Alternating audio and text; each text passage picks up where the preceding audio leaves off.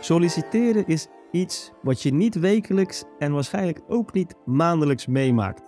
Maar eens in de zoveel tijd moet je er toch aan geloven. Je wilt die volgende stap in je carrière maken, je bent benieuwd naar wat er voor je is en je gaat in gesprek met bedrijven. De afgelopen periode, uh, zeg even twee jaar ongeveer, was er natuurlijk een behoorlijke krapte op de arbeidsmarkt. Zeker in onze branche rondom marketing, design en development.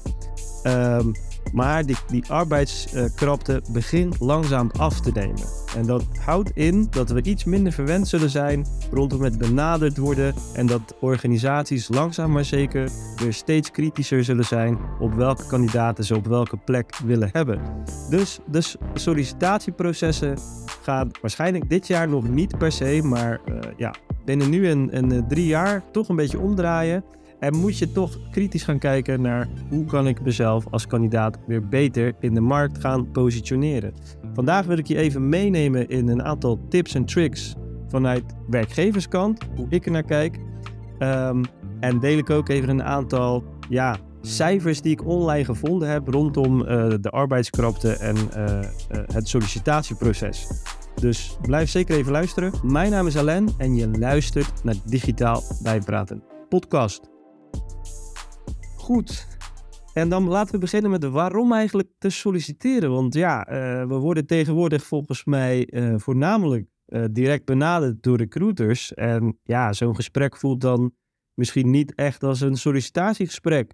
Het is bijna eerder een sollicitatiegesprek vanuit de werkgever dan vanuit jouzelf als, als kandidaat. Ja, sowieso is dat denk ik wel een gezonde uh, verschuiving in balans. Hè? Dus uh, je hoort eigenlijk een beetje bij elkaar te solliciteren, want je gaat een bepaalde vorm van samenwerking aan en het moet wederzijds goed voelen. Uh, waar het misschien een aantal jaar terug iets te veel eenzijdig was vanuit, vanuit de organisatie, is het nu misschien iets te veel naar de kandidaat getrokken. wat we eigenlijk zien in de markt, ik ga zo nog wat cijfers daarover delen. Wat we eigenlijk zien is dat de arbeidskrapte weer begint af te nemen en dat organisaties weer langzaam maar zeker toch iets kritischer worden. Uh, dit jaar gaan we daar waarschijnlijk volgens de NOS eh, niet heel erg veel van merken in de praktijk. Maar uh, het is wel rustig aan het afnemen. En dat zal vanaf 2024 waarschijnlijk wel iets beter merkbaar zijn. dus de, de markt en de economie die zijn echt aan het veranderen. en ga er maar vanuit dat niet alles blijft uh, komen aanwaaien wat betreft mooie aanbiedingen van allerlei recruiters. Um, en dat je op een gegeven moment toch misschien uh, een beetje een andere uitgangspositie zou kunnen krijgen. En niks is natuurlijk zeker. Uh, ik heb dus een artikel gevonden op de NOS. Hè? Dus dan zou je, als je googelt op bijvoorbeeld arbeidsmarkt 2023 NOS, dan vind je hem denk ik wel. Waarin je ook een statistiek ziet staan uh, ik vind hem iets te abstract om uit te leggen, maar ja, lees het artikel gewoon gerust even door als je interesse hebt. Die statistiek zie je ook echt een enorme stijging in 2021 en 2022 wat betreft de arbeidskrapte. Uh, en vanaf 2023 zie je ook best wel een harde lijn naar beneden in, in die eerste kwartaal. Dus je ziet dat die krapte al aan het afnemen is. Uh, in ieder geval hoe ze dat bij NOS gemeten hebben. Dus dat is wel een, interessant iets om, om te volgen. Um, en ik heb nog iets gevonden uh, wat eigenlijk uh, weer twee jaar terug gaat. 2021, dat werd gelabeld als de Great Reshuffle. En dat kwam vanuit uh, LinkedIn. En LinkedIn zag toen in, in dat jaar, in 2021, wereldwijd dat 54% van de profielen een functie had gewisseld. Dat is best wel een belangrijke indicator. Dus dat zou betekenen dat dat jaar was dat er 54 mensen, of 54% van de mensen op LinkedIn, wat best wel veel is natuurlijk, uh, een andere rol heeft aangenomen. Uh, en daarom hebben ze dat ook als de Great Reshuffle uh, benoemd. Dus de mensen zijn wel op zoek naar vernieuwing, zou je kunnen zeggen, in hun carrière. En met de gevolgen van de corona vanaf 2022, ja, kennen we dat misschien als de Great Resignation. dat is vooral vanuit de US heel erg naar voren gekomen. En daar zag je, zagen we uh, daar heb ik statistieken vooral vanuit Amerika gevonden, maar volgens mij is dat ook echt wel wereldwijd het geval geweest. Is dat er best wel veel uh, ja, ontslagen vanuit werkgeverskant kwamen. maar ook dat werknemers het besluit namen om echt weg te gaan en iets anders te gaan zoeken. met, met voornaamste reden meer focus op autonomie, dus het zelf kunnen invullen van je werk. En steeds meer op zoek naar een stukje zingeving. Eh, binnen je werk. Dus waarom doe ik eigenlijk wat ik doe? Zeker voor de wat jongere generatie is dit uh, een steeds belangrijker vraagstuk. En ja, slimme werkgevers gaan hier, gaan hier ook goed op zitten, wat ook belangrijk is natuurlijk. Maar dat is wel een, een goede switch wat zich zal voortzetten in 2023 en later.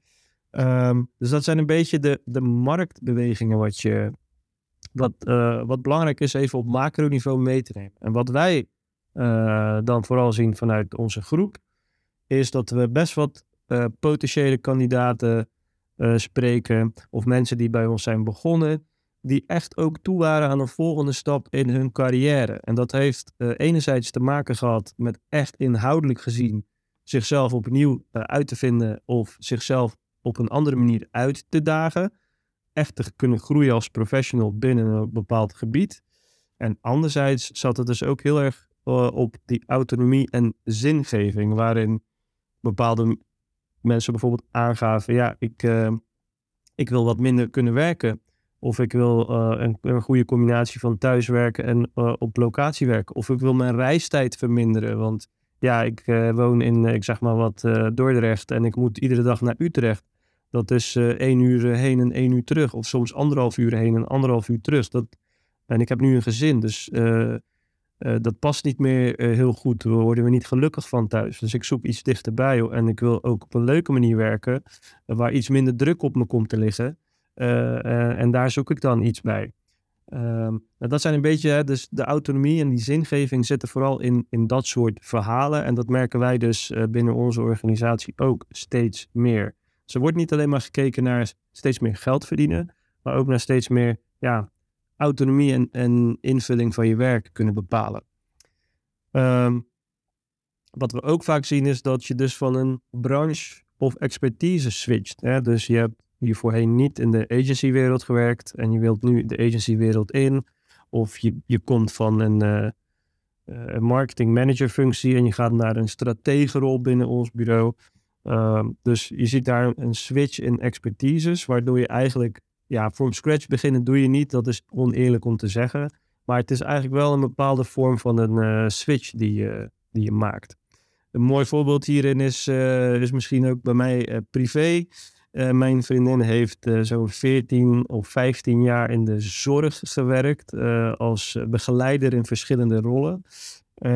En daar was zij eigenlijk ook die autonomie en die zingeving volledig kwijt. En heeft uh, afgelopen jaar, in 2022, de grote sprong genomen. En is uh, in dit geval, even in dit voorbeeld, voor zichzelf begonnen.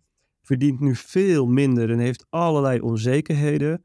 Maar als ik dan kijk hoe, ze, hoe energiek ze uh, in het leven staat. Niet dat ze daarvoor niet energiek in het leven staat, maar er straalt nu weer een vorm van passie uit. Die wie ze hiervoor uh, toch wel een beetje kwijt was geraakt. En ik denk dat dat ook echt een mooi voorbeeld is waar mensen steeds vaker naar op zoek zijn. Is dat ze met een bepaalde vorm van passie over hun werk kunnen praten en nadenken. Um, en ja, dat is echt wel belangrijk voor je eigen geluk. Want je werkt ja, uh, gemiddeld uh, misschien een derde, misschien een vierde van je leven. Ja, laten we ervoor zorgen dat dat, dat, dat, dat is een significant gedeelte dat het dan ook op een hele mooie manier ingevuld wordt. En daar zijn steeds meer mensen zich van bewust.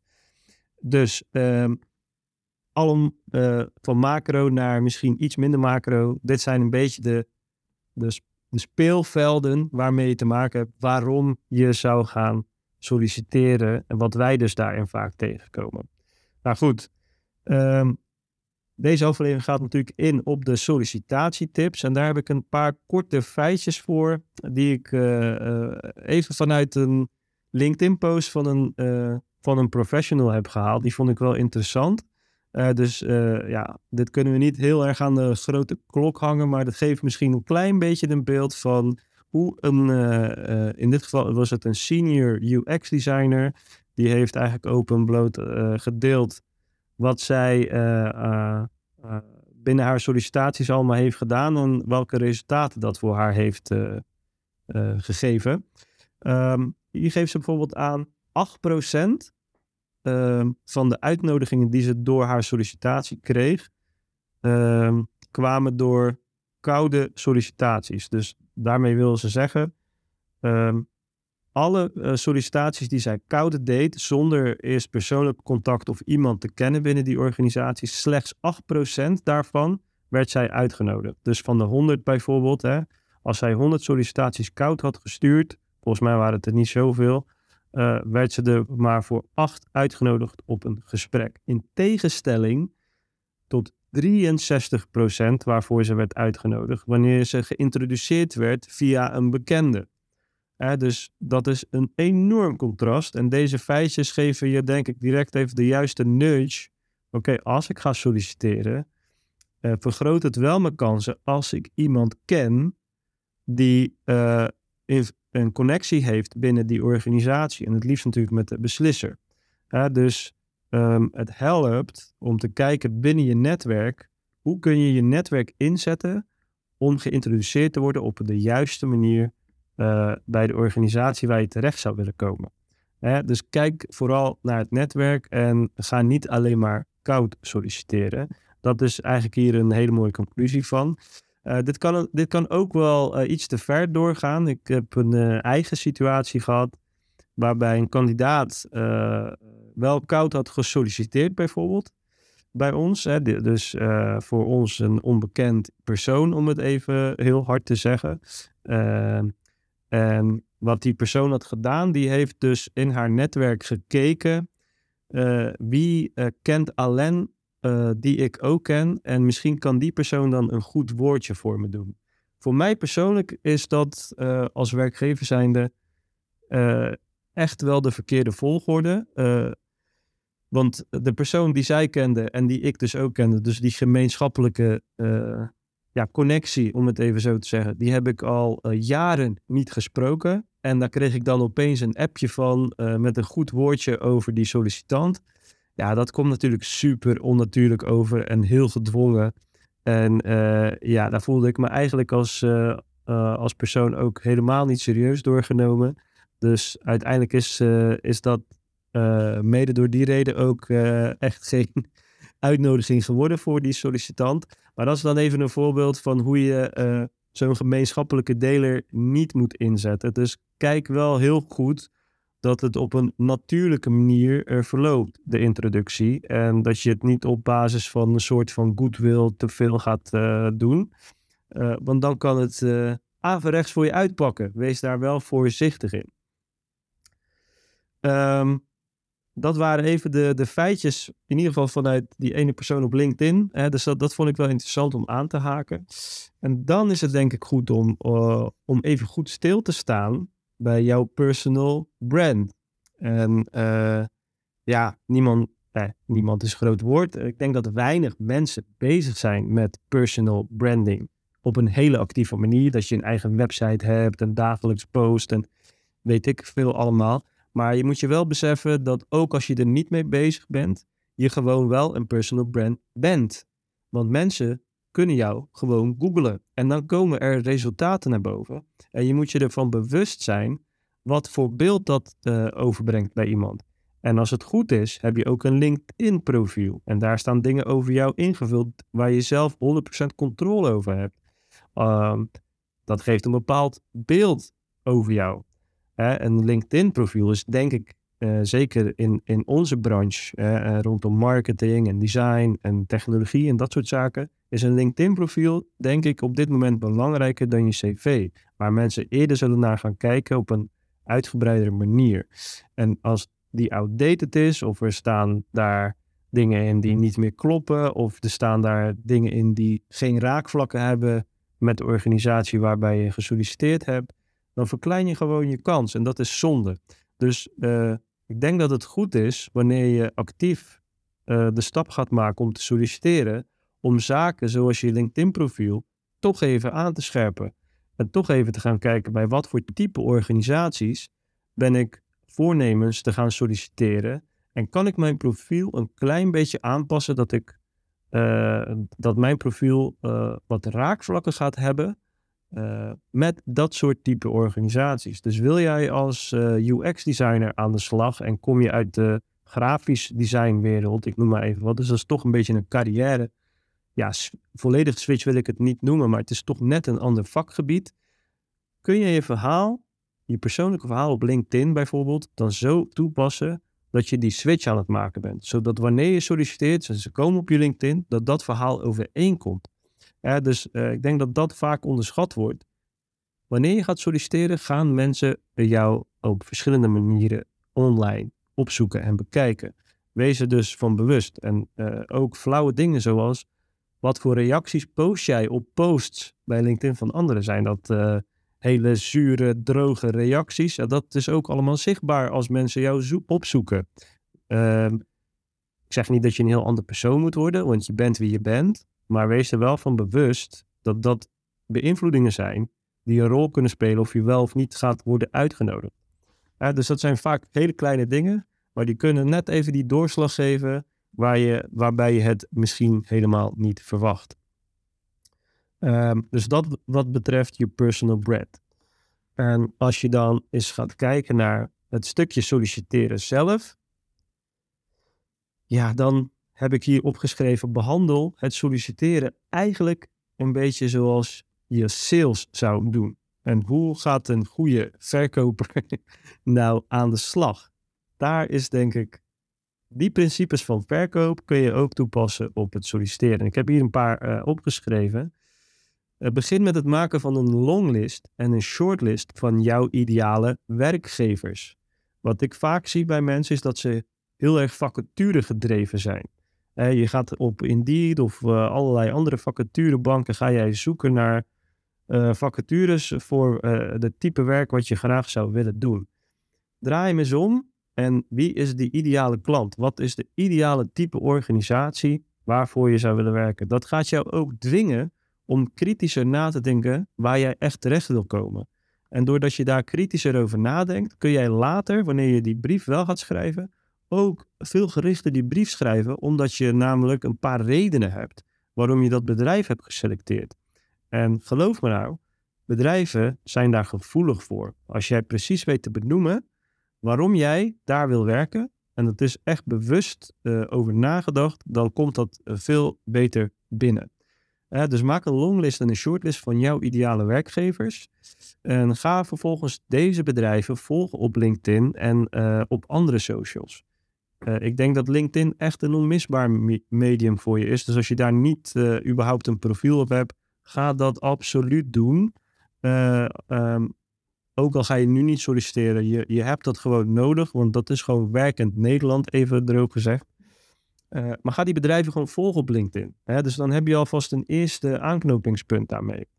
Hè? En uh, ga eens dan op zoek naar mensen binnen dat bedrijf die het vak al uitoefenen waarvoor jou zou willen solliciteren.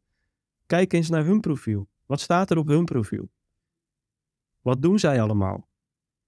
Uh, op wat voor posts reageren zij? Hebben zij bepaalde LinkedIn-groepen die ze volgen?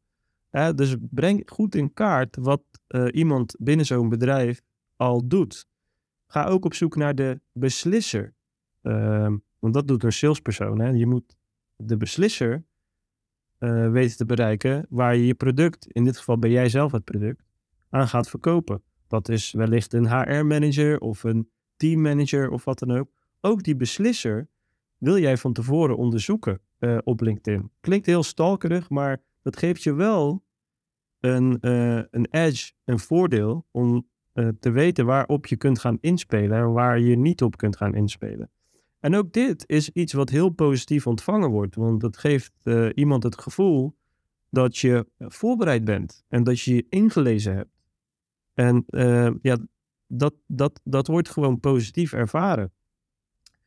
Um, zoek vervolgens dan, als je dat doet, hè, zoek raakvlak tussen jezelf en de organisatie, dan wel die persoon die uh, de beslissing moet gaan maken. Dus waar liggen jouw interessevelden of waar ligt jouw ambitie en waar zie je dat de organisatie uh, gaten heeft? dus dat, dat is best wel een in, intensief proces, maar het zit allemaal in research. neem daar lekker de tijd voor en ehm, dat vergroot, weet ik zeker, dat vergroot gewoon de kans dat wanneer je gaat solliciteren, je ook daadwerkelijk op gesprek zou kunnen komen. Dus behandel je sollicitatieproces zoals een salesproces zou zijn in grote lijnen. En als je dan aan de slag gaat met je brief, dit is, uh, uh, dit is het laatste stukje waar ik je wat dingen op wil meegeven. Als je dan aan de slag gaat met het maken van je brief, zijn er een paar zaken uh, om ervoor te zorgen dat jouw brief beter onder de aandacht komt. En wat zijn dan die zaken? Ook dit is heel erg salesgedreven eigenlijk. Nou, en wat doet een salespersoon altijd voordat hij een offerte stuurt? Uh, ervoor zorgen dat uh, de, er al verwachtingen geschept zijn voordat de offerte opgemaakt wordt.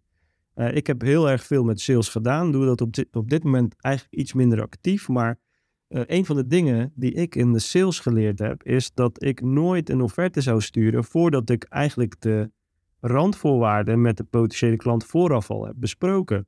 Randvoorwaarden is bijvoorbeeld, hey, um, wij werken in projecten altijd tussen bedrag X en Y en onze doorlooptijd is altijd tussen zoveel tijd en zoveel tijd. En uh, dit kun je ongeveer van ons verwachten. Is dat in lijn voor verwachting wat jij ook naar op zoek bent, beste klant? Nou, dit zijn dingen die je ook zou kunnen peilen in jouw sollicitatie door vooraf even te bellen. En je kunt die vragen natuurlijk ook wat subtieler stellen. Dit zijn best wel directe vragen van hoeveel budget heb je? Dus je kunt, je, uh, ik zou niet gelijk gaan vragen over uh, wat is het salariseis? Want ja, dat is natuurlijk een, een verkeerde vraag of wekt een, een verkeerde indruk. Maar je kunt natuurlijk wel vragen um, van wat is voor jullie het allerbelangrijkste in deze rol? En hebben jullie een idee wanneer deze rol idealiter voor jullie ingevuld moet gaan worden? Uh, hoe groot is het team en ja, wat, wat zoeken jullie daar dan binnen die, die senior, zelfs zou een senior rol zijn of zo? Ehm, moet, ik als senior het team, team gaan aansturen of een visie vormen op bepaalde, bepaalde vraagstukken? Dat geeft ten eerste het feit dat je belt en deze vragen stelt blijf je top of mind bij zo'n persoon en je wekt het idee dat je jezelf voorbereidt. Dus je, je geeft echt een goed beeld over, maar je bent je echt ook aan het voorbereiden. Hè? Dus je komt al meer te weten.